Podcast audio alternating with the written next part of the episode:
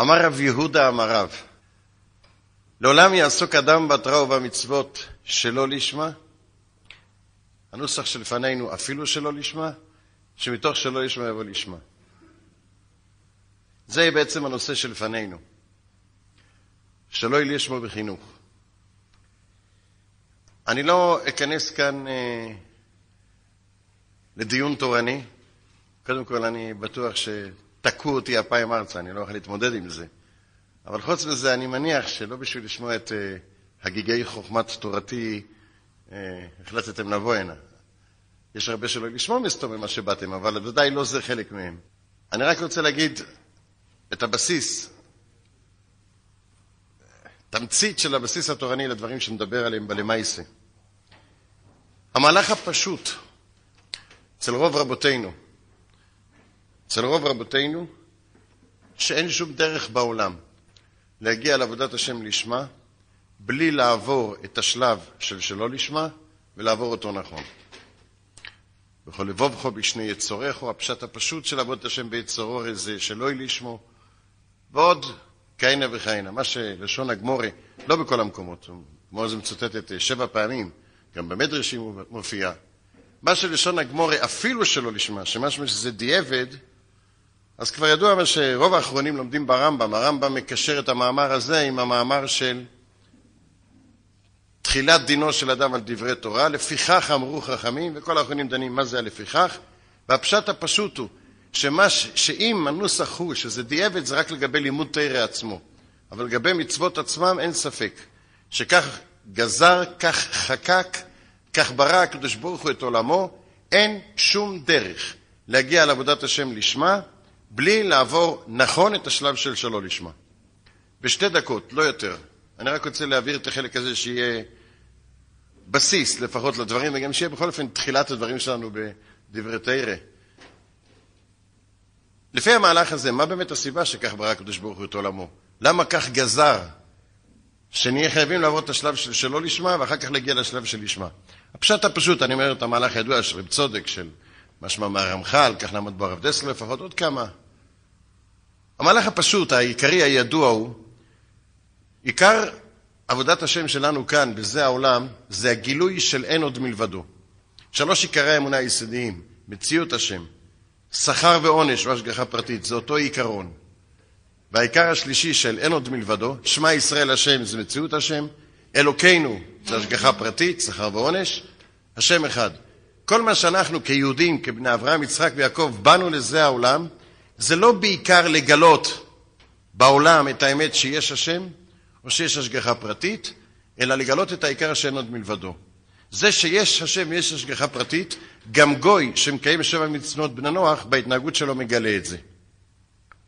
הייחוד שלנו זה השם אחד, אין עוד מלבדו. זה באשקוף וכולם יודעים, אבל בלה מייסה. אם אין עוד מלבדו, והפשט הפשוט הוא שאין שום דבר בבריאה, אבל ממש שום דבר בבריאה, מחוץ למה שהקדוש ברוך הוא ברא, להגיד שהשטן או הסטרי אחרי או המרכבס הטומא, איך שתקראו לזה, להגיד שיש חס ושלום איזה כוח בבריאה שברא משהו חוץ מבורא עולם, זה כפירה ממש, כפירה להלוכה. אני לא מדבר כמו שאומרים עם קויפר לכל אחד שלא קורא את הדף היומי שלי וקורא שם את ההשקפה הפרקטית. אני מדבר בהלוכה. זה כפירה ממש.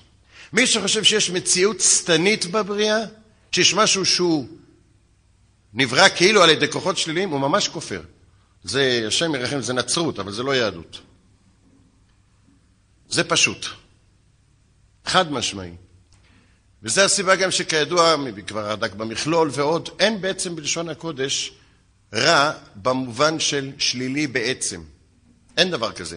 כיוון שמהטוב לא יצא רע, כמו שאומרים הראשונים, וכמו שהפסוק אומר במפורש, כל הנקרא בשמי ולכבודי ברתי ויצרתי ואף עשיתיו, הקדוש ברוך הוא אומר שכל מה שנקרא בשמו, וזה כל הבריאה, יש בה אפשרות לגילוי כבוד שמיים. זה הפשט הפשוט.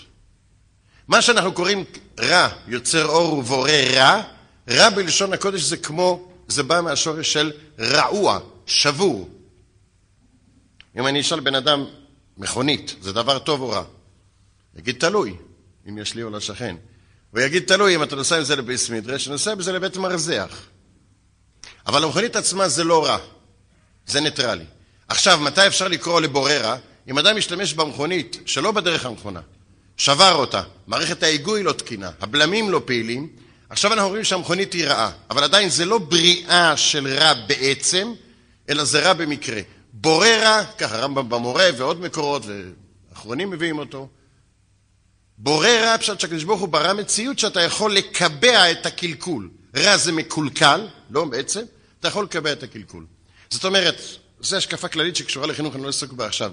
אין שום תכונה בתכונות הילד. שום, שום תכונה יסודית שהיא רע בעצם. צריך לדעת כל דבר איך לכוון אותו. יש דברים שצריך לצמצם, יש דברים שצריך להרחיב. תאהבת השם כל גבלב, אבל גאווה זה לא רע בעצם. צריך משהו שבזה. שמינית שבשמינית, יש מחמירים בשמונה כפול שמונה, אבל מצד הדין, מספיק שמינית, אבל צריך את זה. צריך את זה בשביל ויגבה ליבו בדרכי השם. צריך את זה בשביל שלא יבוש בפני המליגים אליו בברית השם. גם גאווה צריך. כל התכונות שיש בבריאה, כל המציאות, כל החומרים, הכל יש בשימוש לכבוד שמיים. עכשיו, איך אנחנו מגלים בהתנהגות שלנו שאין עוד מלבד עוד?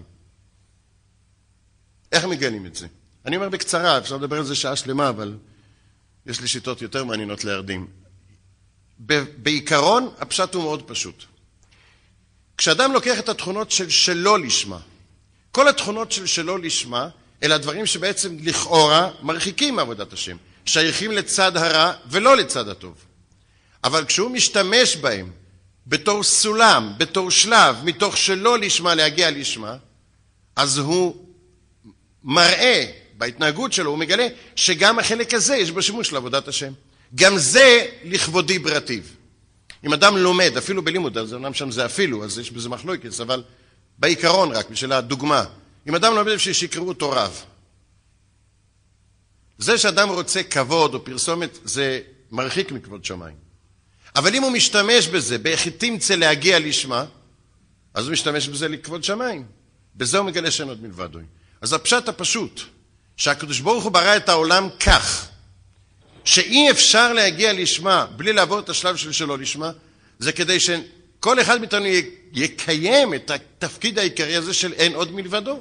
שבהתנהגות שלו הוא יראה שגם התכונות וההתנהגויות והדברים שלכאורה נראים רחוקים מעבודת השם, הוא משתמש בהם לעבודת השם. ואהבת את השם אלוקיך בכל לבבך, בשני יצריך, ביצר רע אפשר לעבוד את השם. כשאדם רוצה כבוד, פרסומת, רושם, הוא, הוא, הוא נכנע ליצר רע. אבל אם הוא מרשה לעצמו את זה, כשהמטרה שלו להגיע לשמה, אז הוא עובד את השם. אז חוק ראשון אנחנו אומרים שחייבים לטפל בשלא לשמה נכון. הערה שנייה ואחרונה בהקשר התורני, אבל שצריך לזכור להעמיד את היד להגיע לשמה. יש טעות נפוצה, שגורה בפי ההמון, מסתובב לא אצל תלמידי חכמים, שכאילו זה אוטומטי. אם האדם עובד את השם שלא לשמה, בסוף יגיע לשמה. ומי שמסתכל מסביב קצת מתפלא על זה. אנחנו רואים, לא אותנו כמובן, אבל השכנים. אנחנו רואים שהם עובדים של שלא לשמה, וככל שהשנים עוברות השלא לשמה מתפתח, מעמיק, מתרחב, מתנשא, ולא מגיע פתאום יום הגאולה הזה שבאופן אוטומטי פח פתאום נהיה לשמה. אבל הבטיחו. הפשט הפשוט הוא שזה לא הבטחה. יש, אני יכול להביא, פעם היה לי ויכוח על זה, מצאתי לפחות 70 מקורות, לדבר על הקדמונים, לא על האחרונים. פשוט חד משמעי. אין שום הבטחה שמתוך שלא לשמה יבוא לשמה זה לא הבטחה. אני אקח מקור אחד רק למי שרוצה לבדוק אותי. אמ, שתי, אותו מקור. יש, ב, יש ספר קטן, בכמות כמובן, מעלות התורה של רבינו אברהם, אחי הגאון מווילנה, וגם רב חיים מוולוז'ין מפרושו על פרקי אבות, מביאים את אותו עיקרון שהגאון אמר. לפי הגאון, שהגמרא אומרת, שמתוך שלא לשמה, יש לנו שני משפטים. לעולם יעסוק אדם בתורה ומצוות, אפילו שלא לשמה, שמתוך שלא לשמה יבוא לשמה. השין הזו, שמחברת בין שני המשפטים, בנוסח למדני, זו שין מגדירה ולא שין מנמקת. כלומר, זה לא הפשט, לעולם יעסוק אדם בתורה ובמצוות אפילו שלא לשמה, בגלל שמתוך שלא לשמה יבוא לשמה. זה לא הפשט. לעולם יעסוק אדם בתורה ובמצוות אפילו שלא לשמה, באיזה דרך, באיזה אופן, באיזה צורה, באופן כזה שמתוך שלא לשמה יבוא לשמה. אבל אם לא יעסוק בזה לא יגיע. שמעתי פעם, אה, שמעתי מגון הרב אברמסקי זצ"ל שאמר שזה הפשט בקריאת שמע. כולם יודעים שמובא בהרבה מקומות ששתי הפרשיות של קריאת שמע, הראשונה עוסקת בעבודת השם לשמה, והשנייה בשלא לשמה. בפרשה השנייה יש שכר ועונש, בראשונה אין שכר ועונש. בראשונה כתוב בכל לבבך, בכל נפשך ובכל מאודיך, מאודיך זה כל מה שהוא מאוד בשבילך, כסף, כבוד, בכל מידה או מידה שמודד לך. פרשה שנייה בכל לבבכם ובכל נפשכם, אין בכל מאודכם. כי מי שעדיין בשלב של שלא נשמע, איך תגיד לו תעבוד את השם בכל מאודך? הוא עובד בשביל זה ותגיד לו לוותר על זה. ואלה האישורים שלכן גם בפרשה השנייה בלשון רבים והראשונה בלשון יחיד, הדברים ידועים. אבל הוא שאל לפי הכלל של חז"ל, שתמיד מתוך שלא לשמה, לעולם הפשט זה תמיד, חוק, שמתוך שלא לשמה יבוא לשמה, היה צריך לסדר את קריאת שמע שקודם נגיד והיה עם שמוע, ואחרי זה ואהבת. כי קודם שלא לשמה, ואחר כך לשמה. אבל הפשט הוא שאין שום התר לעבוד שלא לשמה אם אתה לא מציב קודם את המטרה לשמה. פרשה ראשונה אומרת לך, זה המטרה, זה היעד, לשם תשאף, ללשמה. אחרי שאתה יודע שזה היעד, עכשיו אנחנו יורדים לאופן המעשי ומדברים על שלא לשמה, במילים אחרות. עכשיו הסיכום, אני, למי שהלאיתי אותו, אני עובר לפרק, לפרק החינוכי. אנחנו מציבים לעצמנו את הממרה, לעולם יעסוק אדם את המצוות שלא לשמה. צריך להתמודד עם השלא לשמה, ויחד עם זה צריך לזכור, כמחנך, להעמיד בפני התלמידים את היעד, אולי אפילו להוביל אותם לקראת הלשמה. זה שני הנושאים, ש... שתי הפרטים שבהם נעסוק. זהו, סיימנו. עכשיו ניכנס בה למעשה. כשאנחנו שואלים את עצמנו על החינוך באופן כללי, מה קורה היום ברחובותינו, אז אם נדבר על הנושא שלא, שלא לשמה, אני יודע שכשאני מתחיל לדבר על זה, תמיד פוקחים עליי זוג עיניים על מה הוא מדבר האיש הזה. מכירים איזה מוסד חינוכי למשל, שמתמודדים עם זה, שזו שאלה שמופיעה על פני השטח? זה לא קיים. מי שיסכם את המערכים החינוכיים שלנו, גם אצל הבנים, גם אצל הבנות, יחשוב, יראה לו שכנראה שזה דור שכל שאיפותיו, תקוותיו, משאת נפשו, כותב זה רק לעבוד את השם, רק צריך להגיד להם איך. כי כל מה שאומרים להם זה מותר, אסור, אסור, מותר, כך תעשה וכך לא. אבל זה לא יצליח. אני לא ארחיב יותר. אני עכשיו אחזור אחורה, אציג את הבעיה, ואני מקווה שהיא תהיה מובנת. אני אקח לכאורה נושא אחר, הוא לא נושא אחר, אבל תכף אני אראה. פנה אליי פעם בחור, עכשיו אני מציג את ה, ממש את הבעיה המעשית. פנה אליי בחור, ובדרך כלל הבחורים נפגשים איתי, אני לא יודע מי הם בעילום שם, וגם אחר כך אני לא, לא יודע מי הוא. הוא אומר, תשמע, אני נחשב בחור מצוין בישיבה מצוינת. ישיבה מצוינת, הכוונה היא שיש לו שם טוב. זאת אומרת שתגיד המחיר שלו בשוק ענבי הגפן אמורה להיות אה, גבוהה. אני לא יודע מה זה בדיוק, אבל זה, זה ההגדרה. ואני עכשיו מהטובים בישיבה. ואני באתי אליך בשביל לקש ממך התר. אמרתי לו, אני לא רב. אמנם כותבים עליי, אבל זה בגדר הפסוק, אה, גם תבן גם מספור רב עמנו, זה לא, היום לא אומר שום דבר. וחוץ מזה ודאי לא מהגדר של ברוך מתיר אסורים, שאני אמצא לך איזה התר. הוא אומר לו, זה סוג יתר שרק אתה יכול למצוא. אמרתי, טוב, מסתובב יש לו שאלה ולא נעים לו לשאול אותה ישירות, אז הוא מתחכם, אמרתי לו, טוב, נשמע. הוא אומר, אני רוצה פטור מברכה אחת מברכות השחר. פטור? כן, ברכה אחת מפריעה לי. מה הברכה? שלא עשה ניגוי. אמרתי לו, תסביר בבקשה. הוא אומר, אני אסביר. לפי מה שמשמע בפוסקים, ברכות השחר יש בהם גם ממד, ככה ההגדרה שלו, של ברכת הודאה. כלומר, כשאתה מברך ברוך אתה השם פוקח עיוורים, אתה מרגיש את החסד שעשה איתך הקדוש ברוך הוא שאתה יכול לראות. כשאתה מברך זוקף כפופים, אתה מרגיש את החסד. לפי מה שמשמע, באמת מה שקרה בפוסקים, לא ניכנס לזה, שזה הנוסח של ברכות השחר, אז זאת אומרת שאני מברך שלא עשה לי גוי, אני צריך להרגיש אסירות תודה לקדוש ברוך הוא שלא עשה לי גוי, אני לא יכול להרגיש את זה. אם מסבירים לי בשכל שאני צריך להאמין שזה טוב, אז אני מתאמץ. אבל אם אני צריך להרגיש את זה, אני לא מרגיש. אני שואל אותו, אתה יכול אה, קצת יותר לפרט? הוא אומר, כן. אם הייתי גוי שמקיים שבע מצוות בני נוח, הייתי נכנס לגן עדן תחתון, כך כתוב בגמורה. גוי שמקיים שבע מצוות בני נוח יש לו גן עדן. אני לא יודע מה זה תחתון עליון, זה נשמע, גן עדן זה נשמע טוב. בשביל בחור ישיבה, בשביל כל אדם דתי, שבע מצוות בני נוח זה משחק ילדים. אין לזה. כמעט שום נפקא מינה למעשה, רק יושר בדיני ממונות, שבו אני מוכן להיות מחמיר מגדולי הדור, אם זה כל מה שיש. בגן עדן תחתון מובטח. עכשיו, כל מה שאני עושה יותר מזה, זה בונוס, זה רווחים. לא עושה, אני חי כמו כל הבהמות ברחוב, אשראי ואשראי חלקי. מקום בטוח, גן עדן תחתון. עכשיו שאני בן ישיבה, בן תורה, מוצלח נחשב, אומרים לי, הלוואי ותזכה להיכנס לגיהנום.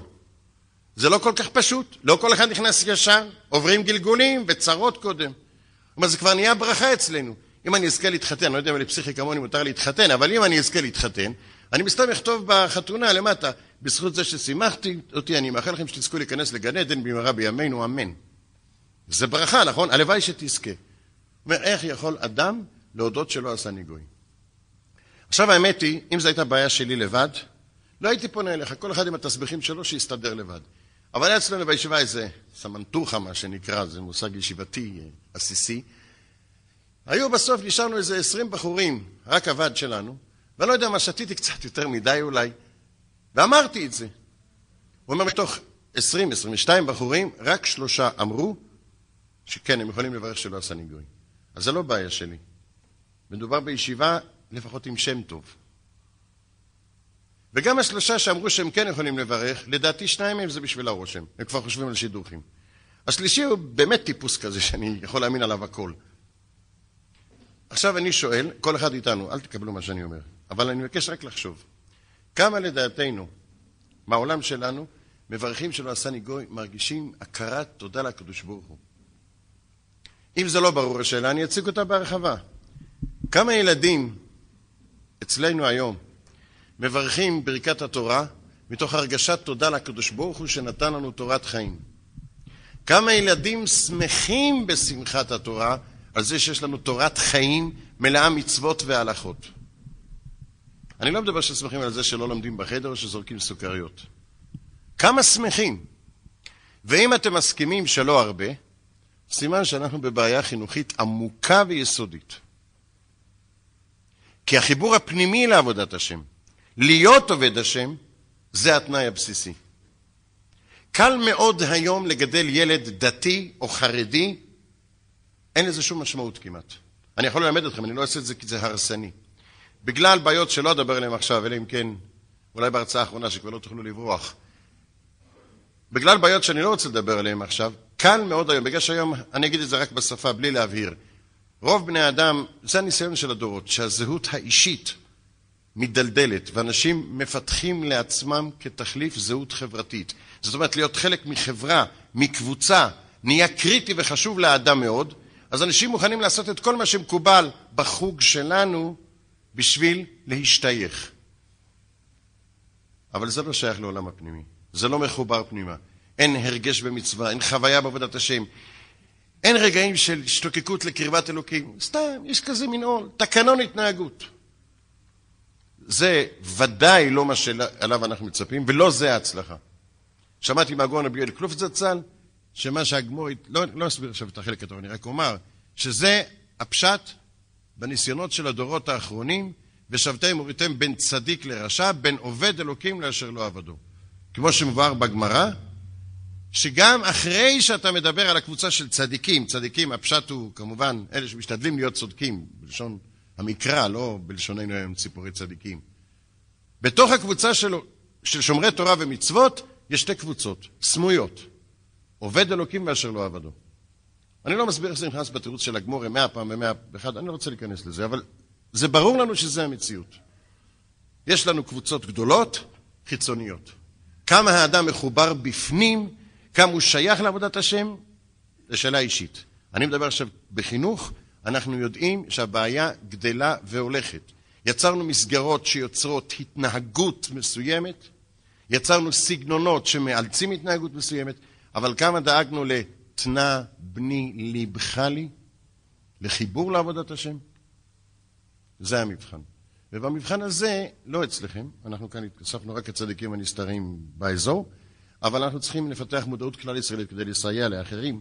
אנחנו יודעים שבציבור הבעיה הזו חמורה ועמוקה וכואבת. זה הפתיחה. והקשר בין שני הנושאים, עבודת השם בשמחה, לנושא שבו פתחתי, מתוך שלא לשמה, הוא קשר חזק, עמוק, יסודי, קשר של סיבה ותוצאה. הטיפול הנכון בשלא לשמה הוא בעצם אותה טכניקה או אותם כלים שבהם אנחנו משתמשים כדי לחנך לעבודת השם בשמחה. זהו, גם, זה המסגרת, עכשיו ניכנס לפרטים. אני אתחיל את ההרצאה כמות שהיא, ואני לא אסביר כל קטע איך זה מתקשר לשני הנושאים, רק בסוף כשנגמור, אולי זה יהיה בפעם הבאה, כשנגמור את הכל, או שאסביר או שיהיה מובן ממילא, ואם לא, אז תחליטו שדיברתי כמה דברים לא קשורים, העיקר שהתוכן ייקלט. אני מתחיל עכשיו מההתחלה. אולי אני אגיד את זה קצת יותר בהרחבה. כשנגזר עליי לעזוב את ספסלי הלימוד, נגזר עליי, אני מאוד אהבתי ללמוד, ובחיים שלי לא חלמתי שאני אפול כאן, אבל קלקלתי את העיניים שלי, לא חשוב מה שקרה. אז אני לא הלכתי לעבוד, לעבוד בחינוך בגלל שלא היה לי מה לעשות. עוד הייתי בחור, לא הייתי זקוק לפרנסה, אבל זה מה שאורי לי רבותיי, שמקום ראשון בעבודת השם אחרי לימוד תורה זה חינוך לתורה. אז היה לי זמן, התחלתי ללמוד. הסתובבתי במשך, לבד, במשך שבעה חודשים, ואחר כך עוד שישה חודשים עם חברים, בבתים של ראשי ישיבות, של משגיחים, של אדמו"רים, של מלמדים מבוגרים, ושאלתי, איך מחנכים ליראת שמיים? איך מחנכים לעבודת השם בשמחה? איך מחנכים ל... אני רציתי ללמוד חינוך, אמרו לי שזה התפקיד שלי. ואני קצת תמים וקצת יקה, ולא הייתי לחוץ במשכורת, לא עשיתי את זה בלית ברירה. רציתי ללמוד את זה יסודי. איך מחנכים? זאת אומרת, ישבתי לעצמי בבית קודם ואמרתי, רגע, מה הנושאים היסודיים? מה העיקר בחינוך? אני לא מדבר על שיקום האינטליגנציה והעשרה אינסטרומנטלית וכל מיני מילים יפות ומרשימות היום. אני מדבר על המושגים הפרימיטיביים, האמיתיים, היסודיים שלנו, פרימיטיביים במובן החיובי. עיקר החינוך זה עבודת המידות, בניין האדם, יראת שמיים, עבדו את השם בשמחה. ומחודש לחודש ההלם הפנימי שלי גדל והלך.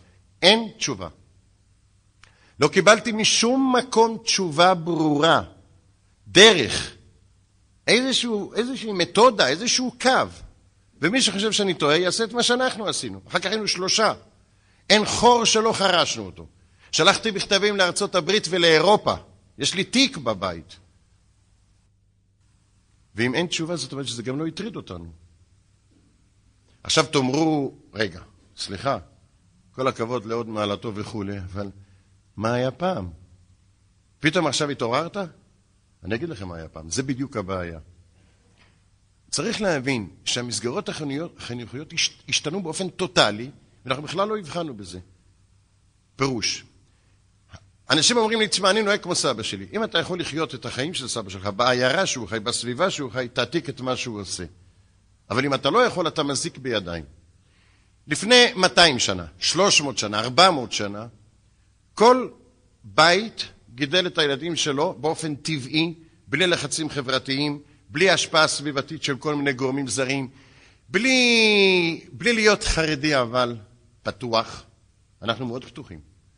בדרך כלל כשהאוצרות פתוחים, אז כל מה שהיה בפנים נשפך, ורק זבל נכנס חזרה בהתנדבות. אבל זה מושג, חרדי אבל פתוח, חרדי אבל אינטליגנטי, כי בדרך כלל כנראה חרדים מאוד בלתי אינטליגנטים, אבל יש כאלה שהם... השפעות חברתיות לא היו. בעיקר, כל המסורת שהייתה לנו התמוטטה, צריך להבין את זה. בעיה מספר אחת, רוב החינוך היום נעשה בבתי הספר. זה אסון, אבל זה לא היה פעם. רוב החינוך נעשה בבתי הספר. אצל הבנות וגם אצל הבנים. רוב השעות שם הם נמצאים, רוב ההורים שמחים על הבייביסיטר היחסית זול, יחסית לעובדה שהוא בייביסיטר. כמה חינוך ילד מקבל בבית? אני קורא גם, מישהו אומר, אה, אתה מדבר על בתי ספר, הילד שלי לומד בחדר. החדרים שלנו הם בתי ספר. פעם קראו לזה חדר, כשכל רבה בבית שלו, בחדר שלו, הביא כמה ילדים מהשכנים ולמדו. תוך כדי כך שהוא דואג שהאסיר לא יגלוש שלא יחטוף מאשתו ורודף אחרי העז שנכנסה מהחצר, שם את התרנגולות במקום ומנדנד שם את התינוק שלא יבכה. זה היה חלק מהחיים. היום זה בתי ספר, זה כיתות מאורגנות וכדומה, זה יותר נעים, זה, יש לזה ניחוח עתיק שקוראים לזה חדר, אבל זה סוג של בית ספר, חד משמעי. אני לא מתכוון לומר שזה כמו בית ספר ממ"ד, אבל מבחינת הבעיה הזו, שאני אסביר אותה בהמשך, זה בית ספר. עכשיו, לא, אין לנו שום מסורת על חינוך בבתי ספר. החינוך פעם, החלק הפנימי של החינוך, זה מה שהילד שאב בבית. יותר מוצלח, פחות מוצלח, אבל היום רוב החינוך בבתי הספר. זה בעיה מספר אחת. בעיה מספר שתיים, המסורות התמוטטו לחלוטין. כי כשאבא העביר לבן, והעביר לבן, והעביר לבן, כשהעולם היה שלו, נראה רגוע. אני שמעתי מרבל אלופיאן זצ"ל, עוד שהייתי בן 14, שממלחמת העולם השנייה העולם השתגע לחלוטין. כל זה מה שאתה רואה אמר בית משוגעים. אבל לפחות נדע שאנחנו בית משוגעים, שלפחות אנחנו מנקקים את הקירות, לא נחשוב שזה לכתחילה, רק זה בדיעבד. מה פירוש? ההורים שלנו היו בוגרי שואה. הדור שלי, אני מתכוון. זאת אומרת, זה לא קשור לשאלה מה הם ראו בבית. האנשים האלה, בשביל לשרוד, בשביל לחיות, היו צריכים כוחות נפש שאנחנו לא יכולים לתאר אותם. אין לנו ביקורת עליהם. אבל היו צריכים משאבי נפש על-אנושיים. אחר כך, איך שהם התנהגו מול הילדים, זה לא היה המסורת של הבית. זה היה ההתמודדות שלהם. הם היו יכולים להיות חלק מהם לחוצים ועצבנים בצורה נוראית, ואנחנו עפר תחת כפות רגליהם, אני לא מבקר אותם. אבל זה לא קו חינוכי שהוא היה פעם.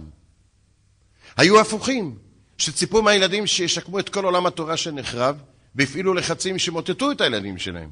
אני לא מבקר, אבל אני לא יכול להעתיק את זה. והיו ביניהם לצד השני, שדאגו שהילדים שלנו לא ידעו שום קושי ושום בעיה, ניסו לפצות אותם על מה שהם עברו. יש למשפחות האלה מסורת חינוכית? זה שקר, זה בלוף. ואלה שלא עברו, לא הגיעו מאירופה, הגיעו מארצות המזרח. איזה משבר הם עברו? אני לא יודע כמה הציבור יודע. איזו התעללות נעשתה כאן במערכת העקירה הזו.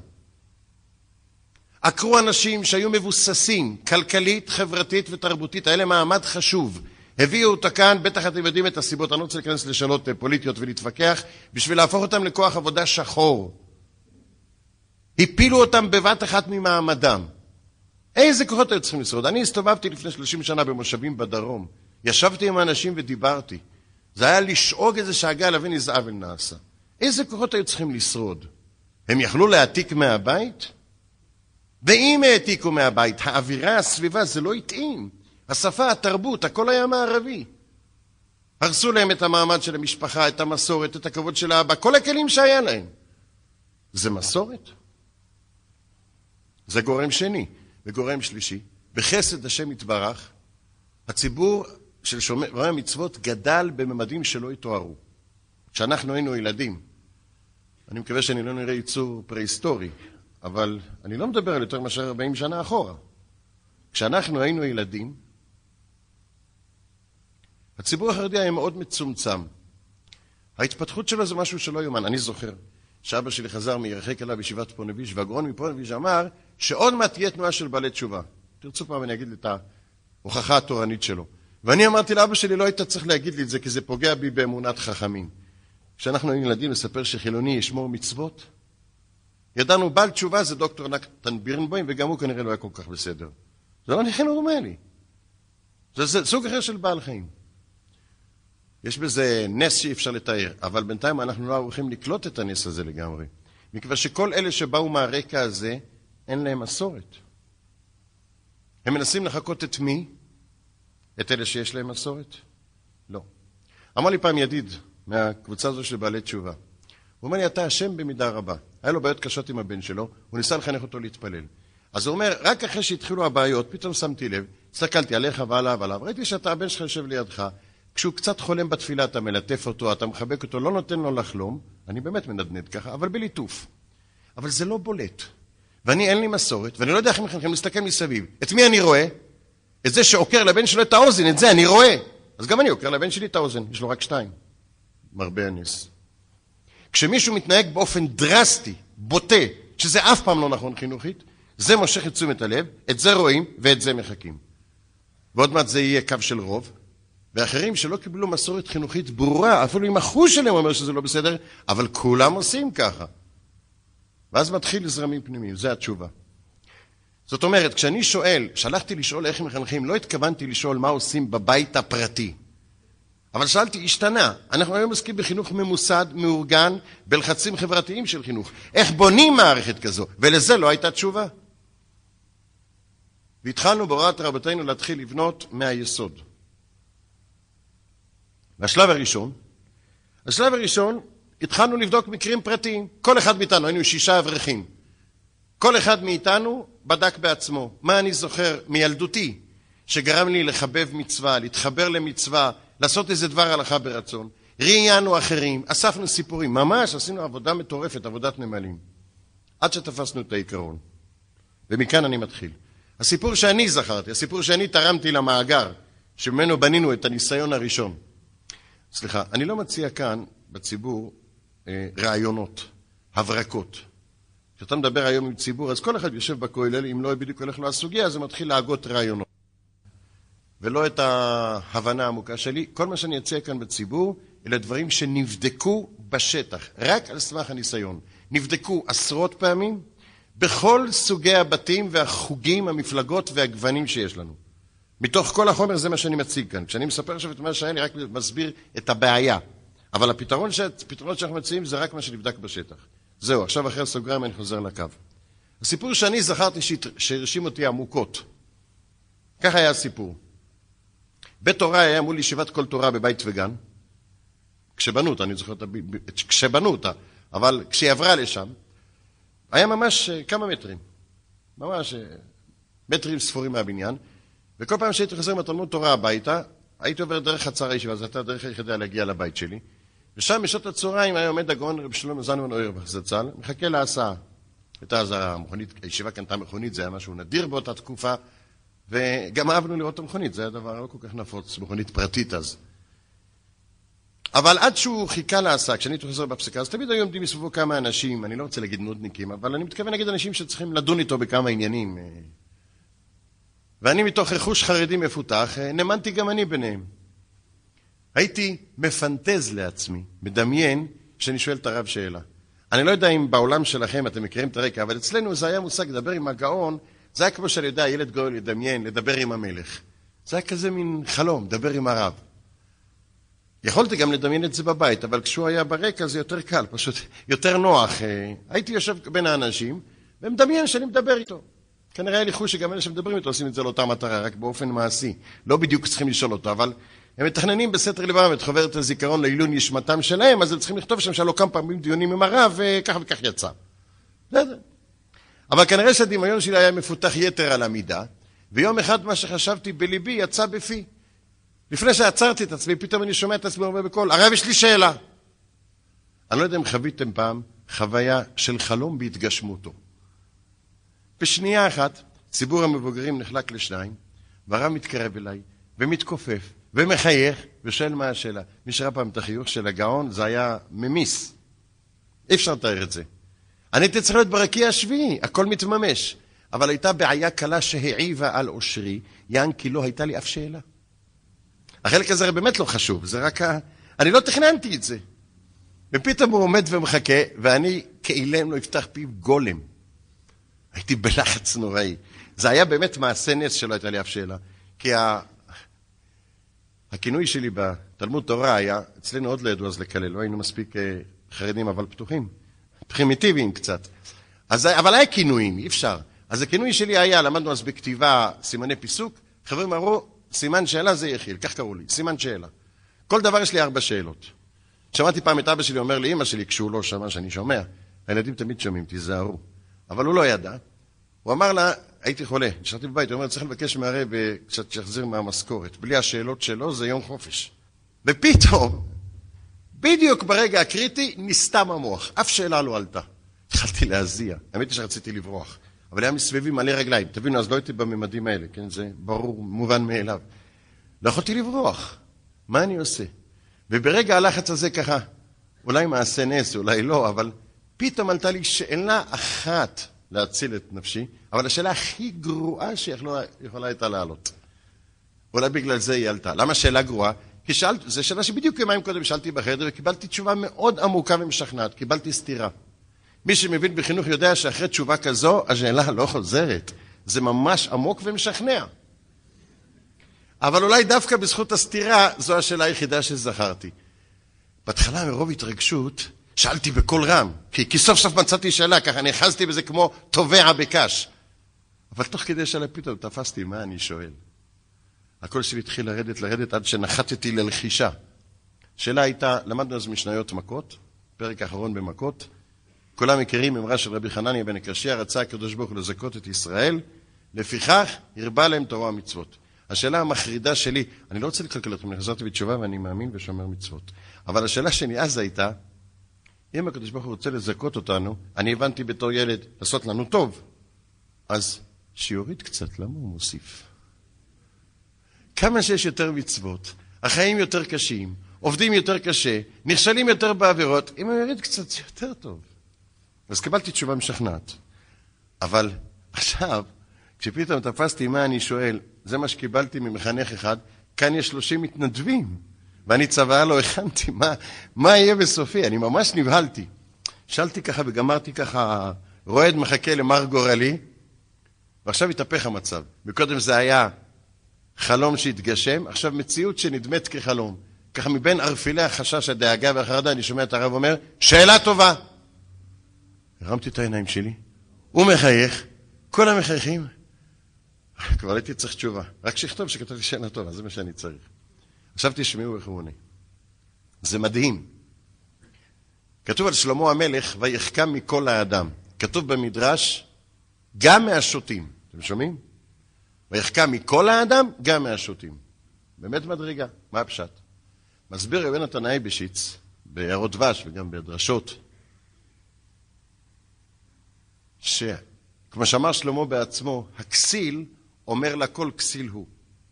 כשכסיל שומע דברי חוכמה עמוקים, הוא לא יכול לקרוא, סתם בלבל, לא, לא יכול להבין את זה, בלבולים. שלמה המלך היה כל כך חכם, שהבין אפילו את הקרומקייט, את העקמומית במחשבה של השוטים, ואת המגבלה שלהם, ויכול היה לרדת גם לדרגתם. זאת אומרת, לפי מה שהוא מסביר, המדרש, ויחכם מכל האדם, דורש כאן לא יותר מכל האדם, אלא קיבל אישור לחוכמתו מכל האדם, אפילו מהשוטים. עכשיו תשמעו, שלמה המלך, במלכות התרא אני מתכוון, איך לפוחח חוצפן ירושלמי, איך הוא עונה, איך הוא יורד אליו. הוא אומר לי, בוא ניקח דוגמה אחת פשוטה. תחילת היום, מההתחלה. יש הלכה ביום איך, יש הלכה איך להתלבש? נכון? לא הבנתי לרגע. אז הוא אומר לי, איך אתה נועל נעליים? אתה יודע? איך ההלכה? אמרתי לו, כן. קודם נעל ימין, אחר כך נעל שמאל, אחרי זה קושרים שמאל, ואחרי זה ימין. הוא אמר לי, יפה מאוד. אתה מקיים את זה? אני לא יכול לדעת היום, אני מבוגר שמשחזר זיכרונות ילדות. ובכל זאת, למיטב זיכרוני, הוא שאל את זה באווירה כל כך נעימה, שאם לא הייתי מקיים, מסתבר שהייתי מעז להודות. אבל האמת היא שכן קיימתי את זה, אנחנו בדור הפרימיטיבי לא ידענו חוכמות, אם כתוב היינו מקיימים. אבל אני מוכרח להגיד שלא כל כך אהבתי את זה. מה, גם בנעליים צריך להתערב לי? אי אפשר לתת לבן אדם קצת חופש? זה הרגשה הטבעית. אז אומר לי הרב, תראה חסד השם יתברך. תחשוב על ילד של, שלא זכה ללמוד תורה. מסכן. תחשוב אפילו על גוי. איך לדעתך הוא נועל נעליים? אני לא יודע, לא ראיתי חיות כאלה בסביבה שלנו. אז הוא אומר, אבל תחשוב, האם לדעתך הוא בבת אחת נועל את שתי הנעליים, או שקודם נועל נעל אחת ואחר כך את השנייה? אמרתי, ודאי, קודם נעל אחת ואחר כך את השנייה. ואיך הוא קושר? בבת אחת את שתיהם, או קודם נעל אחת ואחר כך את השנייה? אמרתי, ברור, אי אפשר לקשור בבת אחת את שניהם. אז מה, אתה רואה חסד השם יתברך? הוא אומר לך, בן אהוב שלי, אני מתרגם לעברית, אבל זה הנוסח, יקין, זה בן אהוב שלי. אני כל כך אוהב אותך, שמתחת האדמה אני מחפש לך מצוות. הרי בין כה וכה כל חייך, אלפי פעמים, תמיד תנעל נעל אחת ואחר כך את השנייה. תמיד תקשור נעל אחת ואחר כך את השנייה. בוא אני אלמד אותך באיזה סדר לעשות את זה. אתה תעשה את זה לפי הסדר, ופתאום אתה אוסף אלפי מצוות בלי שעשית שום דבר. הרי בין כה וכה היית עושה את זה. הוא אומר, תראה, אני איש זקן. עושה את זה לפחות פעמיים ביום. יותר. 700 מצוות בשנה, 7,000 בעשר שנים, 30 שנה, שתי רבבות ומעלה. ככה הוא עשה, אני הולך לדרכי. רכבת עם מצוות מאחוריי, אפילו עשיתי מאומה. הרבה ככה הייתי עושה את זה. אנו נועלים, והם נועלים. אנו נועלים ומקבלים שכר, והם מסכנים. נועלים? סתם. אנו קושרים, והם קושרים. אנו קושרים ומקבלים שכר והם מסכנים, סתם. כך הוא סיים. הפסוק אומר לך השם חסד, כי אתה תשלם לאיש כמעשהו. אם השם משלם לאיש כמעשהו, לכאורה זה צדק, אמת, יושר, לשלם לאיש כמעשה הוא פירושו לפי מה שהוא עשה. אז למה זה חסד? אומר שנגיע לבית דין שלמעלה נגלה שכל מה שעשינו בשביל כבוד שמיים היינו עושים בין כה וכה, אם חס ושלום היינו נופלים שם, רק לא היינו רואים את זה.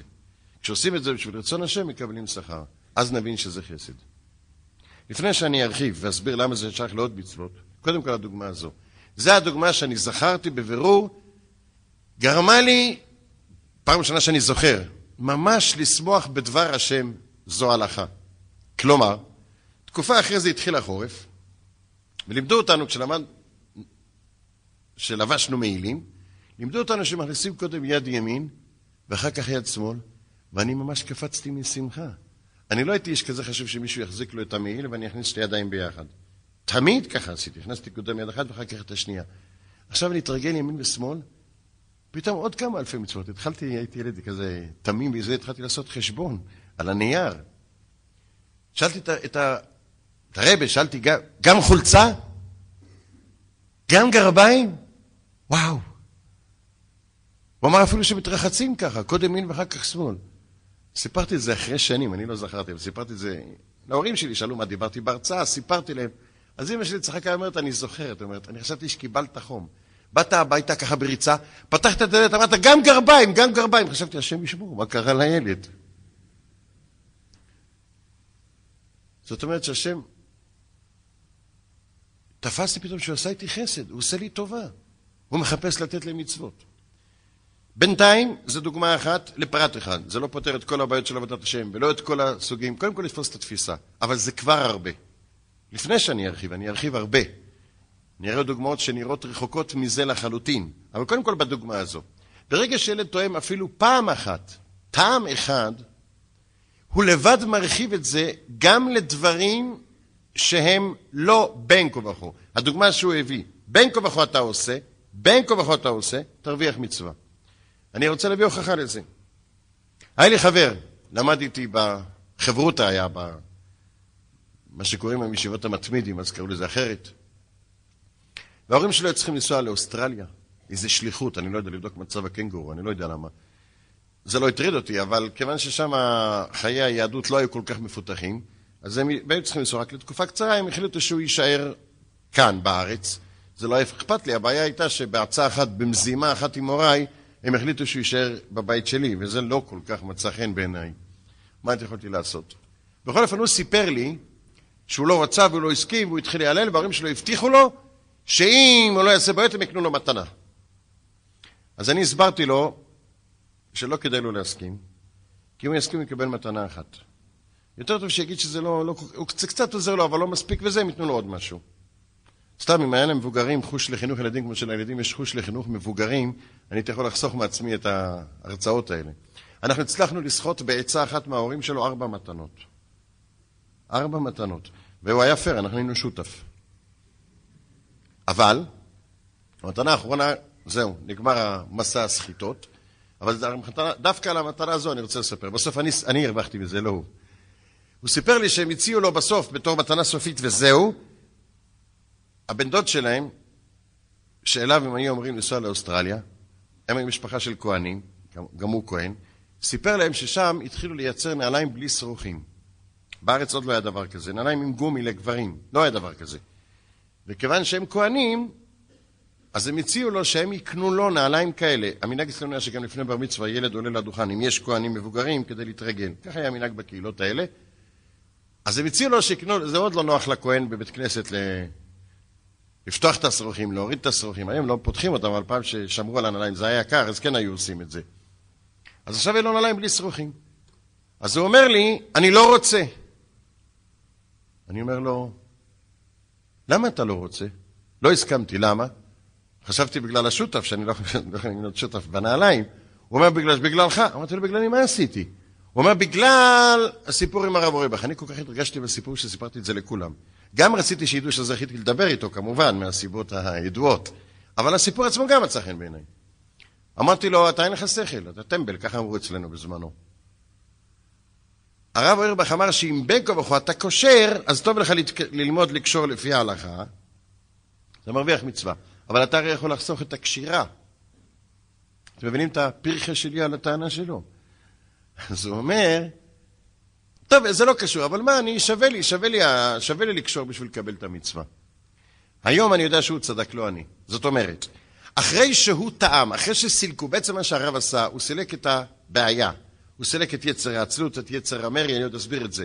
אחרי שהרב גרם לו ליהנות מלקשור נעליים, אז הוא גילה שהמאמץ העילאי לקשור נעליים שווה את הכיף להרגיש שיש לך מצווה.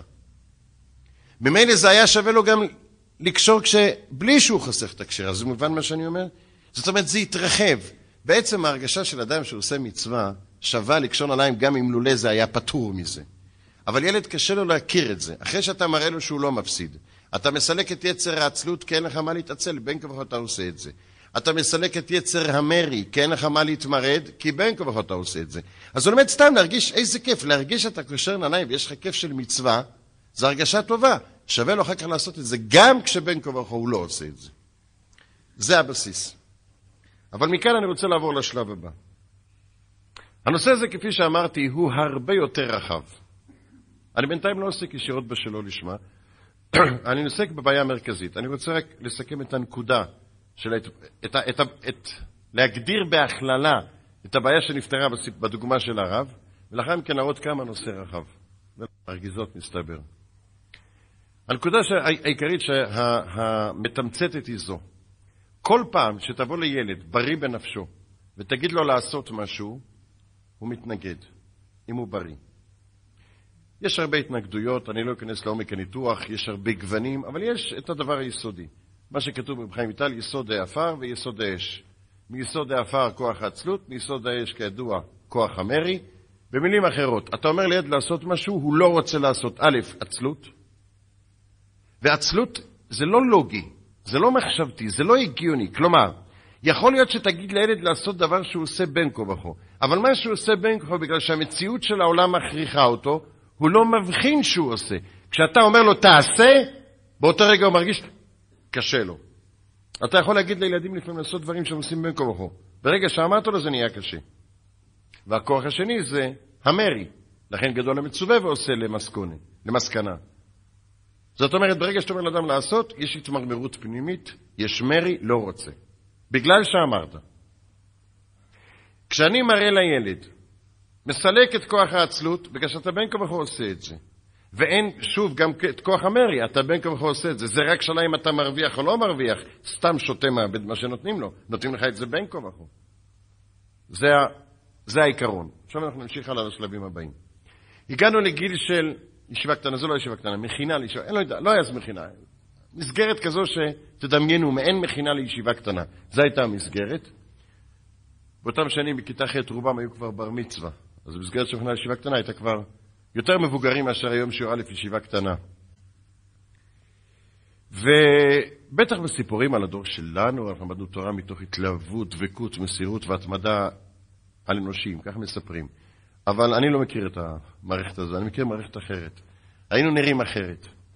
הבילוי הראשון, או נגיד הקוד החברתי הראשון, הכישרון הראשון שהייתי צריך לסגל לעצמי כדי להתקבל לחבר'ה במסגרת הזו, היה להצליח לאחר לתפילה בלי שהמשגיח ירשום אותי.